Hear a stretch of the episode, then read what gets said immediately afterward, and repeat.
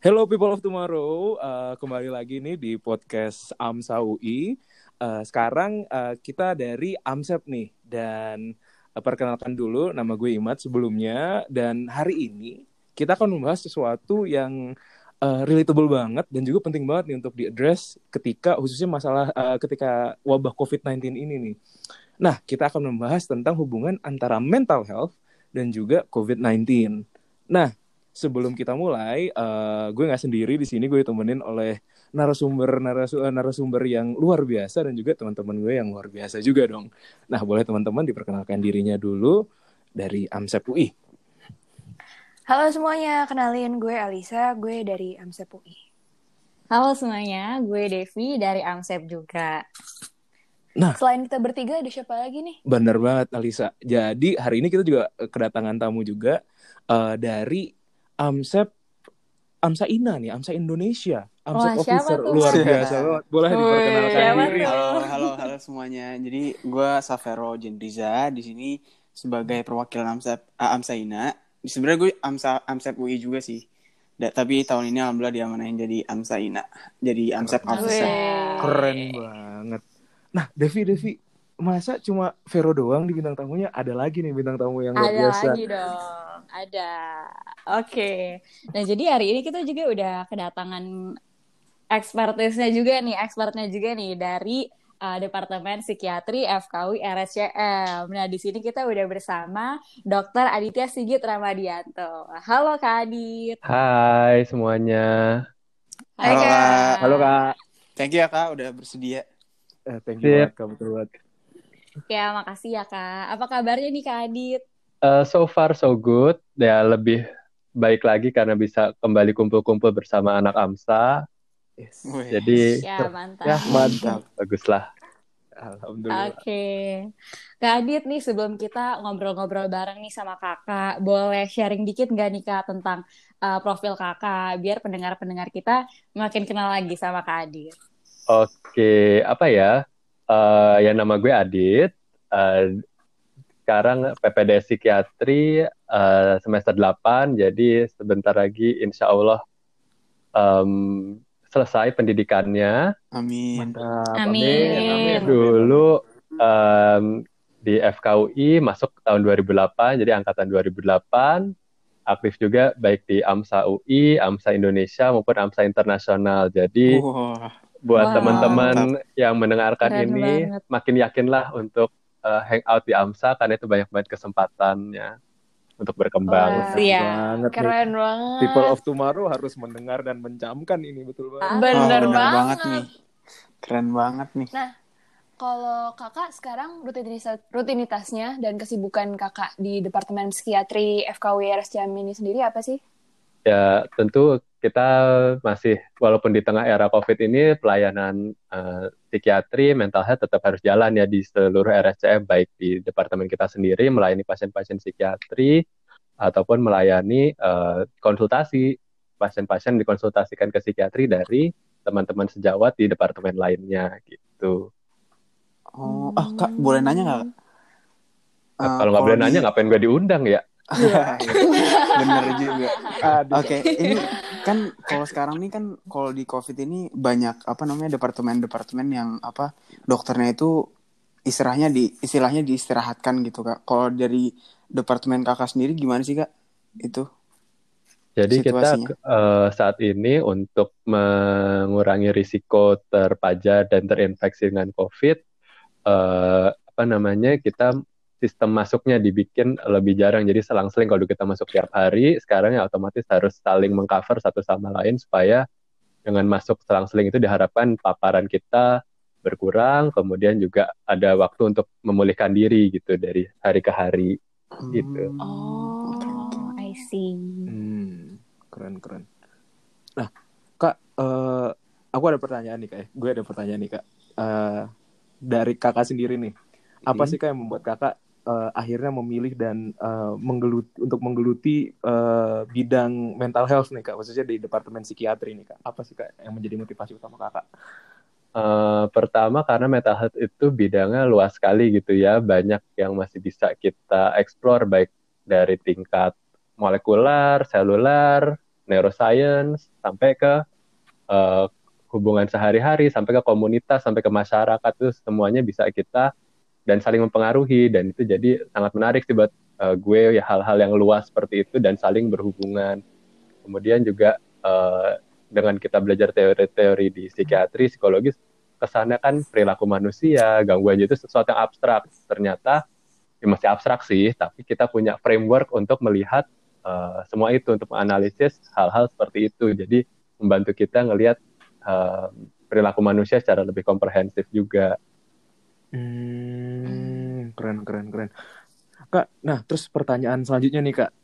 Sejak masa pandemi ini Kak, di Departemen Psikiatri sendiri dan yang Kakak temukan sendiri, apakah ada perubahan Kak dari dari Kakak sendiri dan dari kesibukannya sehari-hari? Apakah berbeda dari sebelum COVID dan sesudah COVID ini? Dan gimana sih Kak kehidupan Kakak sekarang juga setelah ada COVID ini? okay, story of my life gitu ya selama COVID ini. Hmm, Boleh bener banget. banget. Bener banget. Ya, jadi memang kalau tadi selain yang memang pelayanan kita uh, itu masuknya berubah, um, sistem pelayanannya tentu kalau dari kita sehari-harinya ya lebih uh, terbatas juga tuh pergerakannya diharap. Masa di RSCM kita diharapkan tuh nggak terlalu banyak mondar-mandir di luar tempat kerja kita untuk mengurangi risiko kita membawa hal-hal yang tidak diinginkan gitu ke tempat lain. Jadi bagusnya baik kita lagi di poli ya datang ke poli bersih bersih bersih bersih pulang seperti itu. Walaupun memang kadang ya karena orangnya terbatas memang tetap harus itu. Tapi kan kita ada uh, precaution juga dengan APD yang tepat dengan ya hygiene yang sesuai dengan protokol seharusnya sih aman gitu ya. Kemudian uh, tentu juga karena kita sambil pendidikan ya sistem pendidikan itu perlu disesuaikan nih jadi umpamanya yang dulu kita kuliah atau seminar itu selalu ngumpul. Jadi ini kan eh, banyak kegiatan-kegiatan yang pindah ke online semua. Bahkan yang istilahnya kegiatan satu hmm. departemen puluhan orang pun ya pindah ke online semua dan harus dan memang dijalankan gitu. Oh, baik baik baik baik. Ya di luar itu sih yang biasanya habis uh, kayak habis dari RSCM pulangnya bisa santai-santai jalan-jalan ke sana kemari ya tentu itu berkurang ya karena kita kan taat PSBB karena tidak ingin uh, menyebarkan corona ke sana kemari gitu. Nggak belanja baju lebaran ya kayak. Nah iya makanya itu. Oke, okay. um, Kak Adit ngomong-ngomong soal pandemi COVID nih Kak, uh, aku beberapa hari kayak baru baca juga dari CDC katanya pandemi ini bisa jadi stressful juga buat orang-orang. Banyak yang katanya jadi takut, jadi khawatir karena emang uh, kayak pandeminya ini nggak kelar-kelar gitu kak. Nah sebenarnya kalau menurut pandangan kak Adit tuh nge-efek nggak sih kak ke mental health orang-orang? Hmm. Nah kan tuh kata CDC ya. Kalau kata kalian gimana? Kenapa mesti nanya CDC? Ya baca aja kak kemarin. oh, sumber terpercaya. Oh iya. Tapi aku merasanya iya sih nah. kak kayak iya sih. capeknya lebih cepat. Oke. Okay. Terus kayak nggak jelas gitu kak batas uh, work time-nya, rest time-nya yeah. jadi nggak jelas gitu. Uh, biological clock. Ya.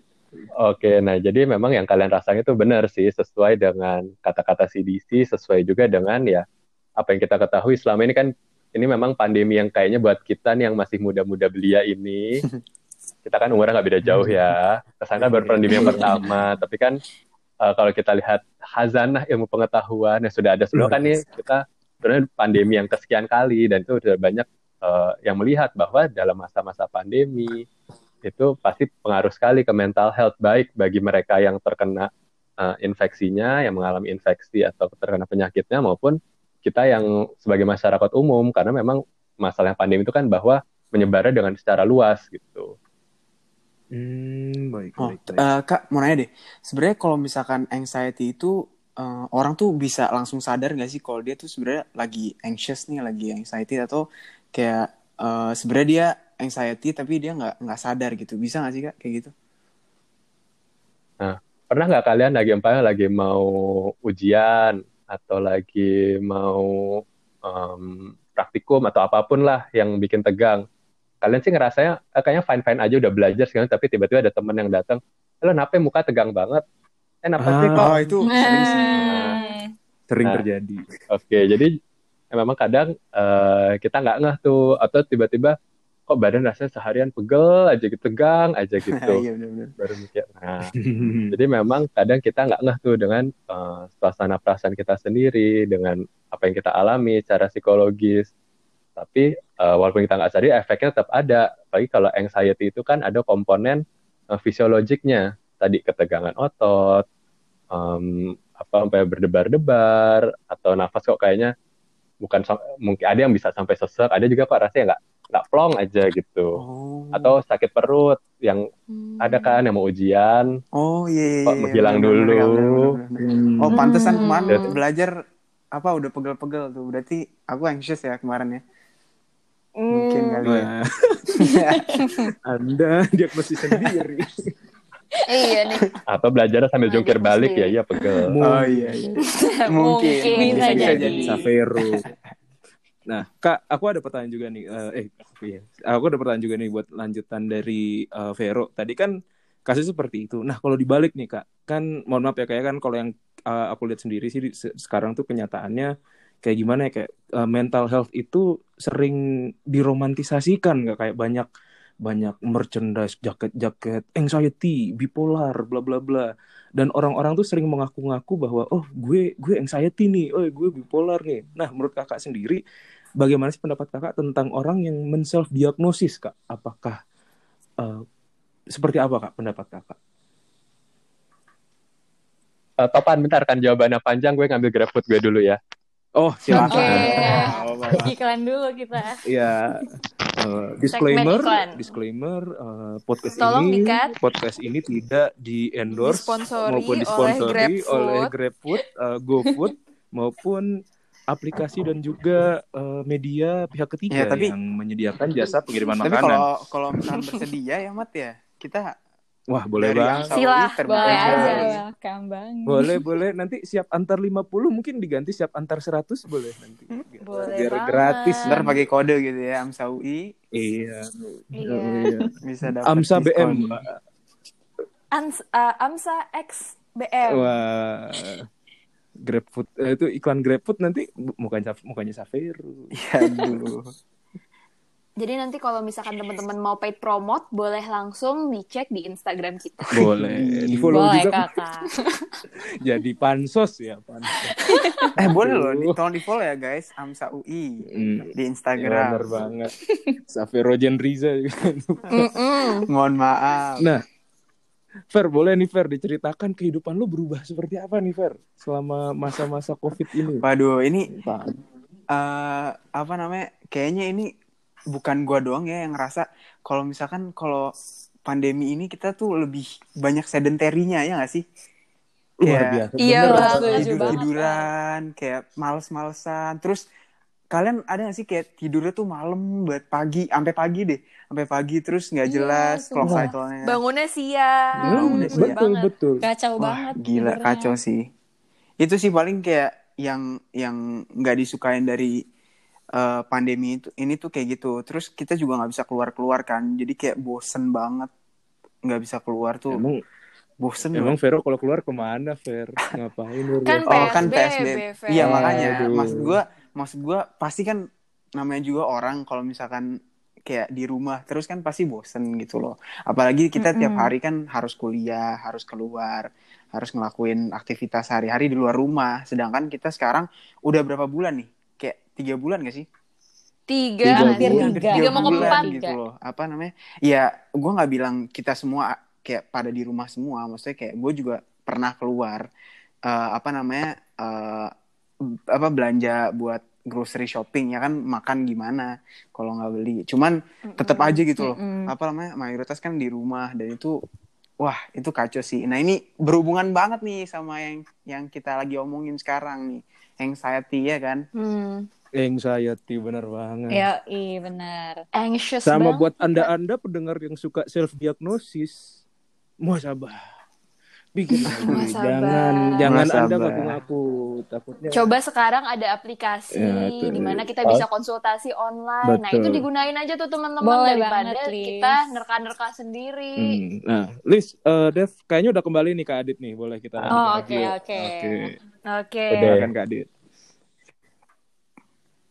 Sip. Oke, jadi um, tadi pertanyaan bahwa sekarang kan kayaknya gampang uh, cenderung banyak gitu ya bahwa um, orang lebih gampang menyatakan dia bipolar, apa dia depres atau anxiety apa mengalami anxiety seperti itu. Nah, di satu sisi memang uh, kalau kita lihat sisi positifnya banget gitu ya bahwa ini menggambarkan masyarakat itu atau paling nggak sebagian masyarakat sudah mulai menerima bahwa uh, gangguan jiwa itu atau gejala-gejala gangguan jiwa atau masalah psikologis itu sebagai sesuatu yang uh, wajar bukan sebagai kalau zaman dulu kan kayaknya di stigma banget ya kalau uh, ada anxiety atau depres atau bipolar itu berarti orangnya uh, lemah iman kah atau kurang hmm. bersyukur atau apa gitu kan. Nah, kalau sekarang harapannya atau bukan harapan atau menggambarkan bahwa uh, orang kan berani ngomong gitu karena dia tahu bahwa lingkungannya mungkin sekarang ini udah bisa lebih menerima gitu dibeda dengan yang dulu.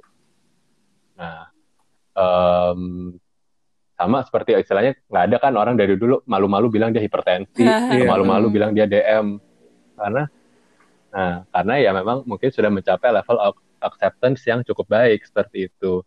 Namun di lain sisi uh, tadi yang namanya self diagnosis kemudian uh, apalagi terus udah self diagnosis terus uh, koar-koar ke sana kemari itu kan sebenarnya juga bukan sesuatu yang wise dan bahkan bisa berbahaya bagi diri sendiri maupun bagi orang lain gitu.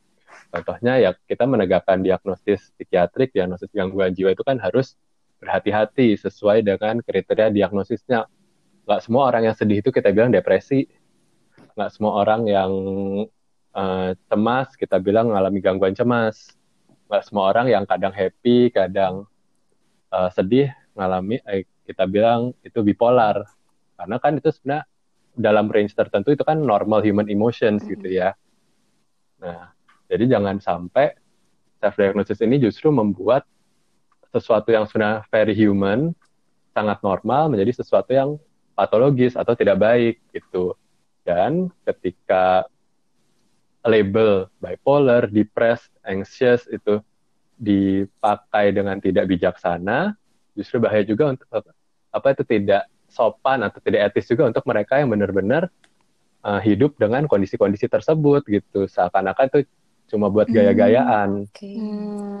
nah, jadi memang ini sebuah topik yang uh, agak kompleks gitu ya. Cuma yang perlu diingat tadi ini sebuah kondisi yang bukan sesuatu yang bisa self diagnose kira-kira bisa ya maksudnya kadang kita kita lagi pilek atau apa atau lagi apa terus kan tetap periksa ke dokter sebelum kita mengumumkan pada dunia hmm. gitu. Sama dengan gangguan jiwa juga bukan sesuatu yang bisa dibaca di gitu ya. Uh, take this quiz. Iya, what kind of candy are you? Uh, uh, what type of candy are you? And we can know your uh, psychological mm -hmm. being atau apa gitu kan nggak bisa seperti okay, itu. Oke kak, gitu. siap siap. Iya. Nah, kalau balik lagi nih kita bahas yang tentang pandemi ini. Kalau kenyataannya di Indonesia gimana sih kak pengaruh psikososial masyarakat dengan keadaan pandemi gini so far? Oke. Jadi memang kalau untuk mengatakan kondisi realnya seperti apa itu penelitiannya masih hmm. berjalan gitu ya. Cuma kalau yang kita lihat dari pasien-pasien yang dirawat dengan uh, baik dengan memang positif COVID atau kalau kita tahu ada pasien-pasien PDP yang ini antara COVID atau enggak tapi ada gejala seperti itu ya pasti mereka mengalami uh, kondisi psikologis yang tidak optimal. Ya contohnya mereka kan pasti mesti diisolasi. Jadi ya pasti pertama mereka sakit dengan sesuatu yang lagi dihebohkan. Pasti muncul dong kecemasan nih saya sakit apa sih? Bener nggak sih seberat itu? Ntar nasib saya gimana ke hmm. depannya? Belum ntar hmm. keluarganya gimana uh, jangka panjangnya gimana ini sebenarnya saya sakit apa pun kadang belum jelas gitu kan sampai berhari-hari nunggu hasil uh, pemeriksaan. Nah kemudian kalau terus ternyata itu juga membuat dia merasa kehilang pada isolasi dia jadi kehilangan uh, support system biasanya dia bisa ditemenin anak-anaknya bisa ditemenin orang tuanya atau ditemenin dia siapanya lah.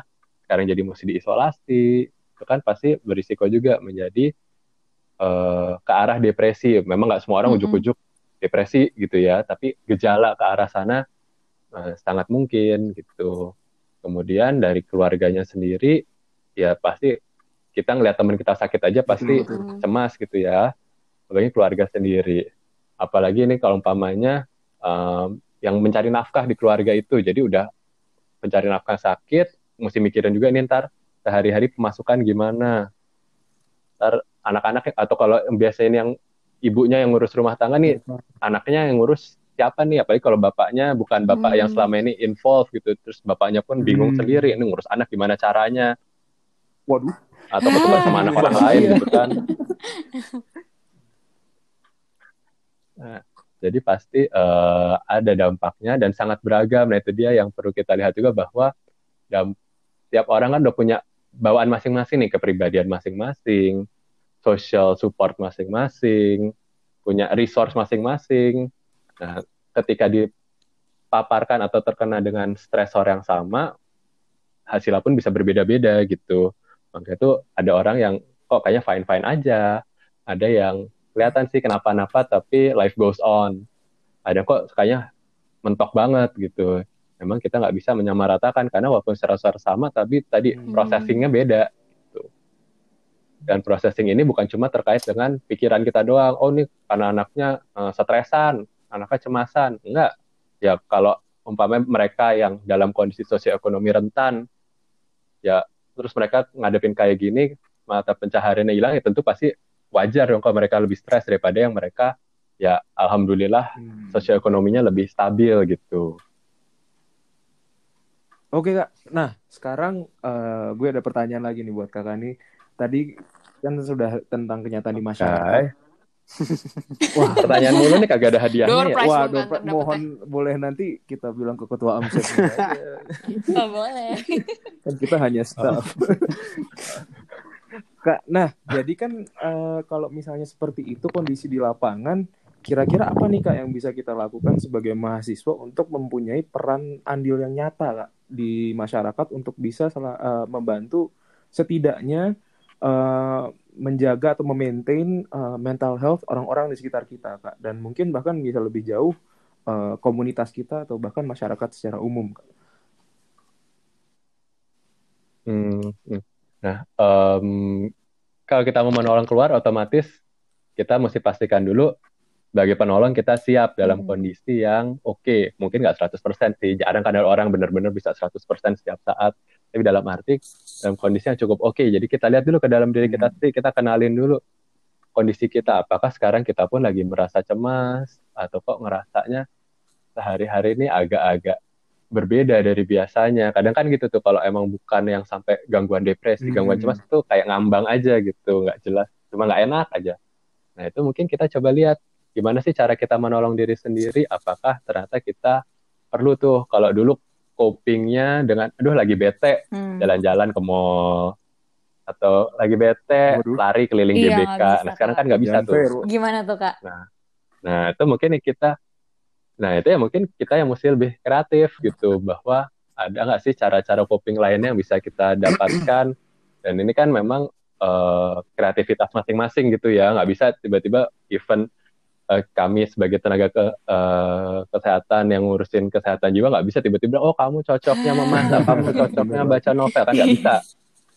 Yang yang bisa kita saranin adalah yang masing-masing memperluas tuh apa uh, kita bilang repertoarnya atau bahwa oh ya ternyata di dunia ini banyak loh cara-cara coping mana yang cocok buat saya mana yang ternyata nggak cocok. Gitu aja kan uh, apa trial and error. Oh, okay. atau nonton YouTube coba oh, nonton ini ternyata senang nonton ini ternyata nggak senang ya udah kita jadi tahu hmm. kita lanjutin okay, yang senang aja tuh siapa tahu pak jadi pada punya hobi baru kan abis ini tiba-tiba Wah, uh, ini menjadi jualan tas mote gitu Boleh kayak banget gitu. Jualan mie cabai. uh, uh, Waduh. Atau Vero tiba-tiba oh, jadi konten creator TikTok gitu karena waduh, cocok lagi.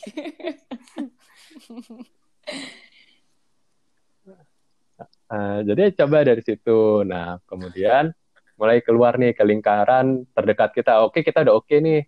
Kita ngeliat orang lain nggak oke. Langkah pertama ya mungkin empati dulu itu bahwa memang kita ini dalam kondisi yang uh, ya pandemi global nggak pilih-pilih nggak um, eksklusif di satu tempat itu semua orang bisa terdampak nah ingat lagi tadi bahwa semua orang punya bekal masing-masing punya situasi masing-masing. Kalau kita ngeliat orang lain dalam kondisi nggak oke okay, ya empati mungkin memang dia sedang dalam kondisi yang nggak enak. Berbeda dengan kita yang tadi mungkin alhamdulillah bisa menemukan punya resource dan juga punya cara coping yang baik gitu. Nggak kan nggak semua orang punya kesempatan untuk itu. Nah kita berempati eh, dulu lah nggak semua orang harus bisa oke okay kayak kita. Nah yang bisa kita bantu ya kemudian ya bider uh, kalau memang itu orang yang keluarga terdekat atau teman terdekat ya apa paling enggak kalaupun kita nggak bisa ngasih solusi kita jadi tempat jadi pendengar pendengar yang baik. Uh, kalau mungkin selama ini mereka bingung mau cerita ke siapa atau baik kok ngelihat kok sekitar gue oke oke banget nih orangnya nggak ada yang bermasalah ngadepin ini. Kok gue di sini mau ngerjain tugas atau disuruh zoom aja uh, males banget. Kan pasti mereka agak segan tuh. Nggak apa-apa kita yang pastikan kita membuka pintu untuk itu gitu. Uh, dan Eh, nggak uh, apa namanya kita pastikan bahwa mereka bisa merasa nyaman cerita ke kita. Nggak semua orang kan ujuk-ujuk langsung nyerocos kayak gue gitu nih. Uh, gue ngeliat muka kalian juga belum tapi tiba-tiba nyerocos aja gitu kan. Nggak semua orang kayak gitu. Nah itu. Terus ya dan kemudian hal berikutnya kadang uh, dalam kondisi kayak gini tadi hal hal-hal yang kadang membuat stres, yang membuat ke arah cemas, ke arah depresi, itu hal-hal yang praktik praktikal. Umpamanya um, jadi jarang ketemu temen, jadi bosenan. Nah itu kan itu sebenarnya sesuatu yang bisa saling bantu sebenarnya. Jangan lupa lah say, say hi pak teman-teman kelompok atau agak memperluas lingkarannya dikit yang biasanya ngumpulnya cuma sama satu circle tertentu kadang saya hai juga ke teman-teman di circle yang berbeda. Kayak gimana okay. gitu kan. Uh, dan juga sharing aja sampai eh nih gue lagi di rumah habis nonton YouTube ini nih kayaknya seru deh kita kerjain rame-rame. Hmm. tawarin aja ntar kan kita nggak tahu kalau cocok ya mereka ngikut kalau nggak cocok ya ya udah nggak ada ruginya hmm, di dia nggak ada ruginya di kita gitu kan. Karena banyak hal-hal yang sifatnya lebih praktikal saling bantu. Dan tadi uh, saling jaga juga. Bahwa tadi kelihatan kok ini mulai beda banget dibanding biasanya cemasnya nih yang sampai uh, kok kalau kita cemas apa jadi ya lebih sering cuci tangan jadi pakai masker ke mana-mana. Kok sampai nggak mau keluar rumah sama sekali? Sampai takut ketemu orang. Nah itu kan berarti ada gejala-gejala yang lebih berat. Atau kok sedih? Tiba-tiba nih uh, murung banget orangnya yang biasanya happy kok di kita ajak video call malas-malesan eh bukan malas-malesan sih maksudnya enggan gitulah kayaknya. Terus kok ngomongnya jadi dikit kok kayaknya yang biasanya banyak ide banyak apa kok ini pasif aja. Nah itu kan perlu um, kita juga lebih aware sama kondisi teman-teman hmm, kita gitu. jadi kak kita itu sebelum uh, izin ini ya kak ya mengkonfirmasi. Jadi sebelum kita berpikir untuk menjaga orang-orang di ah. sekitar kita, kita harus mikir dulu ya kayak gimana sih kondisi kita sekarang dan kita harus bisa hmm. menangani diri kita sendiri dulu sebelum mau menangani orang lain gitu ya kayak. Oke, ha, jadi harus bisa menangani dalam arti hmm. mengenali dulu ya. Kadang emang tadi mostly sih banyak hal-hal yang bisa kita tadi dengan ada coping yang baru, coping yang cocok buat kita bisa. Tapi kenali juga kalau bahwa I need help pun itu juga hmm. perlu dikenali loh. Ntar karena bilang oh karena harus bisa mengenali, oh saya harus kuat sendiri. Ya, enggak, kadang mengenali kapan kita butuh bantuan teman, kapan bantuan uh, orang tua atau siapa atau bantuan tenaga kesehatan. Hmm. Nah, itu kan oh, juga penting tuh. Um, kak, tuh. terus aku juga mau nanya di ada sebenarnya ada particular tips gak sih kak gimana caranya kita tuh mengenali keadaan kita sekarang gitu apakah kita lagi cemas atau uh, takut atau gimana gitu kak? Hmm, hmm, hmm, hmm. nah memang uh, ini apalagi di Indonesia yang culture mungkin nggak terlalu banyak menyampaikan uh, apa ya, Wah. mengekspresikan hmm. emosinya gitu ya. Coba uh, uh, kalau umpamanya kadang kan kita nanya, eh gimana Wah. kabar lo? Hmm. Ya ini banyak kerjaan, kerjaan tuh emosi emosi sebelah mana ya gitu kan di inside out nggak ada tuh. Orang orangnya nggak ada banyak kerjaan gitu. Uh, kan nggak ada. Kadang kita kita susah tuh bilang um, saya sedih saya bete saya seneng yang benar-benar dihayati ya bukan Waduh. lagi sama temen eh bikin bete aja lu gitu. Bukan gitu ya maksudnya.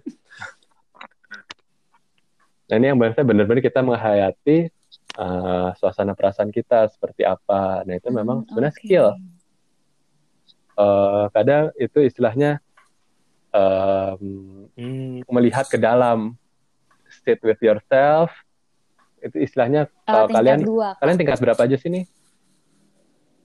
Wah, wow. udah refleksi diri kan? Kalau lupa tugas. Nah, ini refleksi diri rutin atau refleksi Wah. diri gara-gara refleksi diri gara-gara tugas, tugas lupa ya. tugas, lupa postes. Oh. Nah, nah itu sebenarnya nah refleksi diri itu kan juga sama ngelihat ke dalam bahwa oh itu kayak karena saya melakukan ini karena ternyata saya mikirnya gini gini gini. Nah, sama untuk emosi pun bisa tuh refleksi diri bahwa kok gue lagi berasa nggak enak ya atau kok kayaknya gue yang biasanya diajakin apa ngobrol-ngobrol atau apa biasanya semangat biasa apa kok ini belakangan nggak gitu ya ada apa ya? Nah itu yang perlu skill yang perlu dilatih sit with yourself benar-benar gali ke dalam dan uh, agak susah juga ya kalau dalam cara singkat disampaikan caranya gimana tapi intinya sih gitu sit with your emotions kenali dan ya ingat aja kalau kita mengenal diri sendiri kalau ke orang lain mungkin dia ada yang rese gitu ya ngatain apa sih lo cemen? Hmm. kalau ke diri sendiri kan enggak benar-benar kalian yang mengenali sendiri gitu. Hmm, dan anggap itu sebagai self growth. Toh kalau emang sedih emang kenapa? Ya bisa kok orang sedih kan bukan sesuatu yang permanen okay, terus terusan kak um, terus kalau misalnya kayak self reflection ini apakah ini sesuatu yang emang recommended juga kak untuk dilakukan di pandemi sekarang ini? Nah itu juga tuh benar. Jadi umpamanya um, kayak tadi di depan kan pada nanya tuh bisa nggak sih kita kadang nggak sadar dengan kondisi psikologis kita sendiri. Oh, nah itu self reflection ini adalah salah satu cara untuk membantu sehari-hari kita, oh saking banyak apa kelas online segala macam, wur seharian lewat aja gitu habis. Nah dengan self reflection ini kalian berikan waktu pada diri kalian sendiri, 10 menit kah, 15 menit kah, setengah jam untuk uh, apa ya kembali recentering yang biasanya kalian perhatiannya keluar semua ngurusin online kelas, ngurusin tugas, ngurusin segala, ngurusin orang lain. Nah, berikan waktu untuk diri kalian Bahasa sendiri juga. sekarang me gitu. time ya, Kak? Me. Nah, mantap tuh. Nah, ya, saya me time yang benar-benar me time, bukan me time untuk, aduh, gue udah bosan sama kerjaan, lari ke hal-hal yang lain. On, nongkrongin Netflix 5 jam gitu kan nggak juga oh. me time yang benar-benar oh, melihat ke dalam gitu ya, bukan melihat ke layar ya. TV kayak, apa me time tapi ternyata me time-nya yang bukan fokus ke diri sendiri gitu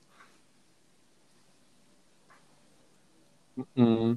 Pokoknya bisa aja mereka yang lagi uh, oh, apa binge Netflix atau uh, binge makanan atau apa mungkin ada suasana perasaan yang memang bikin mereka nggak nyaman dan membutuhkan itu.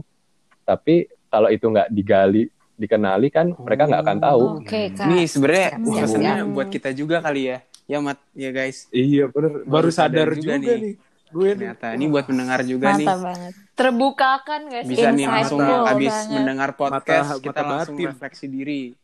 Nggak nggak perlu nah. di nggak perlu diketik nggak perlu dinilai tapi lebih ke ditanamkan dalam diri aja sih resapi. Iya. asik. Iya sebelum anda update update status saya ing saya. Benar, coba direfleksikan dulu. Ini beneran nggak sih? Apa normal-normal aja sih ngerasa kayak gini? Gitu. Betul. Nah, Kak, aku ada pertanyaan juga nih hmm. uh, buat selanjutnya.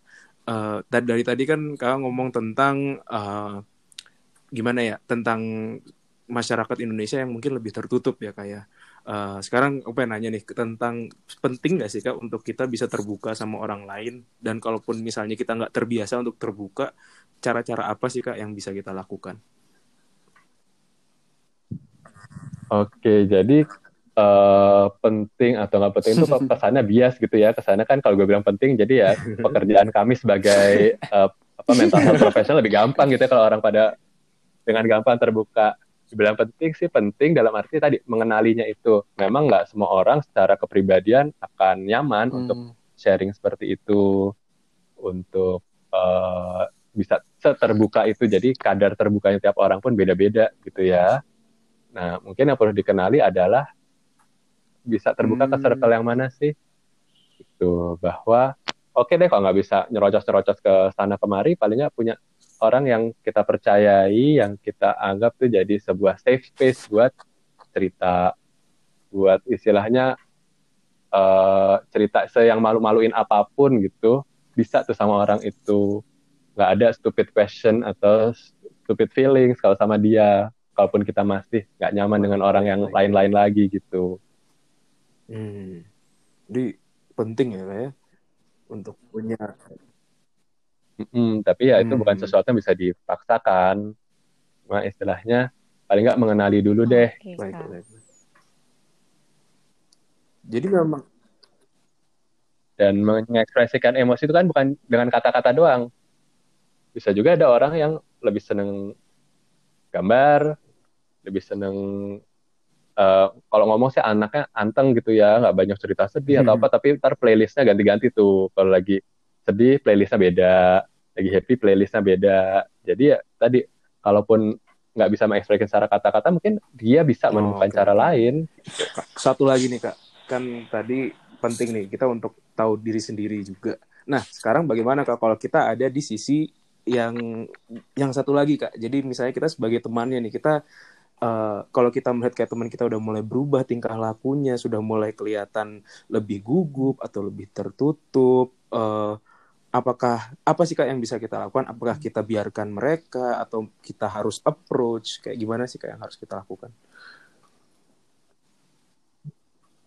Oke, jadi uh, dalam melihat kondisi kayak gitu, um, di approach dalam arti say hi, uh, tanyakan ada apa, ya tentu dengan ya pakai bahasa basi dulu ya, jangan ujuk-ujuk ada apa gitu, namanya interogasi. uh, makanya kita, kita approach, kita ya uh, hadir di situ sebagai pendengar yang baik. Bukakan pintu, tapi kalau orangnya belum mau masuk ke dalam, ya nggak apa-apa cuma kita show bahwa pintu ini terbuka kapan kamu mau masuk kapan kamu mau lewat oh, uh, we're here okay. for you gitu. Mantap. Uh, kak boleh nanya nggak kak? Ini sebenarnya pertanyaan lanjutan dari Imat. Jadi kan mungkin nggak semua orang seberuntung itu ya punya teman yang pengertian yang apa yang mengerti kita tuh gimana yang mengerti cara uh, kita perceive something kayak gimana. Nah gimana uh, caranya kita tahu kapan sih kita harus ke psikiatri gitu. Kita kapan kita harus ke dokter gitu untuk uh, mengetahui keadaan kita gimana atau enggak pin istilahnya curhat aja gitu ke seseorang gitu. Hmm, um, oke okay, jadi memang nggak semua tadi benar sih tadi ya seperti yang kita bilang di awal juga nggak semua orang punya resource baik internal maupun eksternal yang sama.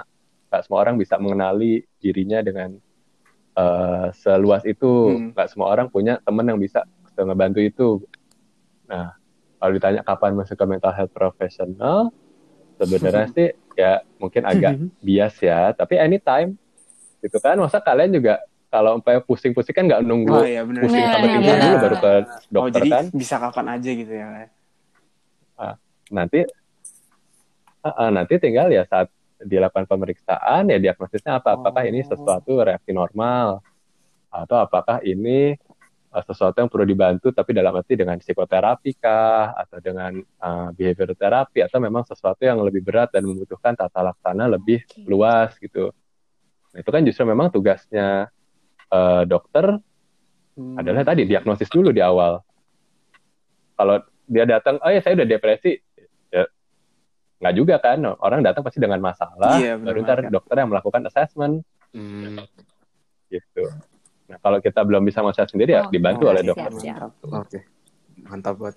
Nah kak maaf nih kak ter nanya mulu nah tapi setelah mendengar penjelasan kak barusan ya aku jadi mikir nih. Kan mungkin orang tuh sering persepsi jujur aku juga uh, gue juga punya persepsi bahwa kayak wah kalau ke dokter psikiatri kan yang namanya dokter kan biasanya juga keluar biaya ya kayak ya. nah terus uh, aku pengen tahu dari menurut kakak ini gimana sih kak? Apakah mahal untuk bisa uh, konsultasi ke seorang psikiater itu kak? Dan apakah sebenarnya itu gimana ya kayak bagaimana bagaimana pendapat kakak mengenai stigma itu kak? Hmm, nah sama sebagaimana ya psikiater uh, itu kan berarti hmm. tenaga kesehatan sama kayak dokter-dokter lainnya. Ya kak, berarti di Indonesia selain yang memang uh, dibayar out of pocket sendiri kan berarti tersedia juga dalam hmm. layanan BPJS, JKN itu jadi itu di cover baik uh, ya ke dokternya layanan psikoterapinya obat kalau diperlukan hmm, kayak gitu jadi memang ya istilahnya sama kayak dokter lain ada um, pembiayaan-pembiayaan hmm. juga yang tersedia. Berarti nggak usah takut ya kayak kalau misalnya stres karena COVID terus merasa perlu ke psikiater tapi wah takut mahal. Sebenarnya ada yang bisa mengcover dari BPJS juga. Hmm. Dan memang puskesmas-puskesmas kita kan juga udah mulai banyak yang punya hmm. layanan kesehatan jiwa. Informasi penting itu buat pendengar semua. Uh. Keren, keren. Keren banget. Jangan terlalu kaget oh, gitu lah. Biar, biar agak slow dikit nih pembawa. Oh, udah, ya. Oke, berarti udah, udah biasa, udah biasa. Uh, uh. Oke. Okay. Um, dari teman-teman ada lagi nggak nih yang mau ditanyain sama Kak Adit? Wah, keren banget sih. Jujur jadi merasa terbuka. Insight banget ya. Insight banyak nih Dev, cuman Durasi. kayaknya kalau misalkan lihat dari waktu, hmm. Oh. hmm. Oke okay deh. Um, Kak, Terus kan tadi kalau gitu aku mau ini nih kak nanya juga sama kakak. Tadi kan kakak udah banyak sharing nih info-info yang insightful banget. Kita banyak tahu hal baru sama uh, hal yang tadi kakak jelasin. Nah pengen uh, ini juga dong kak minta pandangan dari kakak. Mungkin harapan kakak untuk masyarakat Indonesia nih um, harus ngapain aja sih kita di pandemi ini biar tetap bisa menjaga mental health kita itu tetap stabil gitu. Hmm, hmm, jadi uh, mungkin tadi ya, di mana dari take care of ourselves dulu, uh, kenali kondisi diri, kemudian coba uh, kemudian baru lanjut ke saling jaga, saling bantu ke orang-orang sekitar kita karena tadi uh, most mental health symptoms sama mental health problems itu kemungkinan besar bisa diselesaikan selama ada uh, resource yang tepat sebelum memang yang lebih berat akan perlu uh, bantuan profesional gitu. Kemudian um,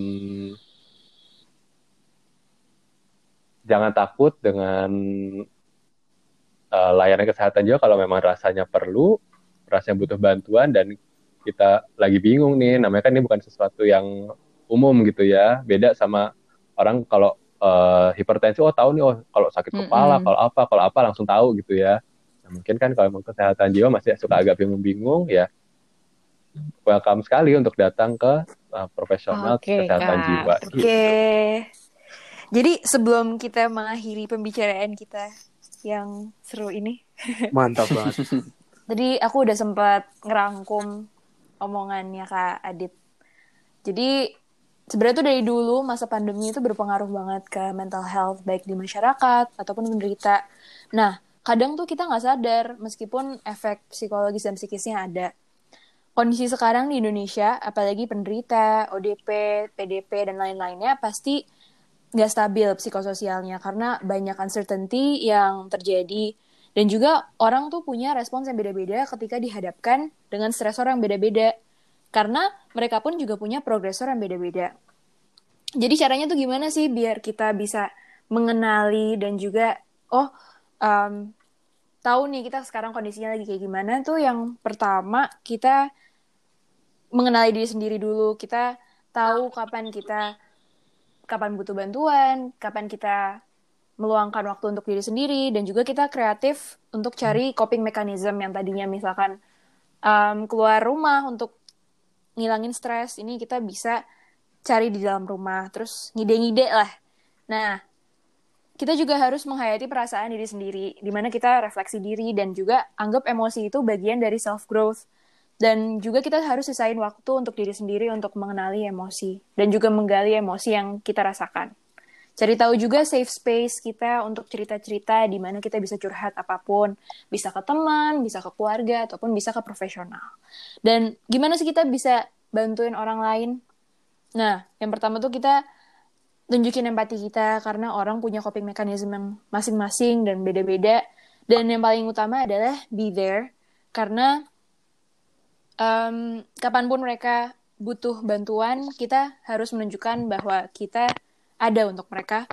Dan juga jangan lupa saling kabar-kabarin, saling sapa, sharing-sharing sama ini lagi pandemi ngapain aja. Dan juga cari tahu orang lain express feelingsnya gimana. Karena semua orang punya cara untuk mengekspres feelings mereka dengan cara yang berbeda-beda. Sama satu lagi, satu lagi. Um, untuk yang tadi nih kita kan bahas tentang apa namanya self diagnose. Nah, sebenarnya positifnya dari self diagnose adalah masyarakat sudah menerima daripada menghakimi di Indonesia ya. Tapi um, sisi negatifnya kadang orang misdiagnose dan juga dokter sendiri itu punya tata laksana sendiri untuk untuk mendiagnosa seseorang apakah dia punya kondisi sesuatu apa tidak. Kita jangan um, membuat kondisi itu yang tadinya harusnya very normal untuk kita ngerasa cemas atau ngerasa stres jadi sesuatu yang tidak normal. Jadi intinya adalah kita harus cek ke dokter dan jangan takut karena ada BPJS dan di Posyandu pun juga kita punya layanan Wah, kesehatan mantap. mental. Gitu teman-teman. Eh, nah, Medikit tadi mungkin buka uh, sisi positif oh, dari yeah. disclosure ya, bukan dari self diagnosis bahwa bahwa orang lebih nyaman untuk mendisclose uh, suasana perasaannya tapi kan karena tadi mungkin memang sudah ada penerimaan yang lebih baik tapi kalau self diagnosis itu sebaiknya okay. memang uh, dihindari. Okay. Baik baik. Thank you koreksinya. Oke. Okay. Oke, okay, Kak Adit, uh, makasih banyak nih waktunya untuk sharing-sharing sama Amsawi lagi. Uh, makasih banyak juga tadi informasinya yang insightful-insightful banget. Nanti bakal kita share juga ke pendengar-pendengar kita. Uh, mohon maaf ya kak kalau tadi ada mungkin perkataan-perkataan yang kurang berkenan. Semoga ke depannya kakak selalu diberi kesehatan dan sukses selalu. Amin. Amin. Amin.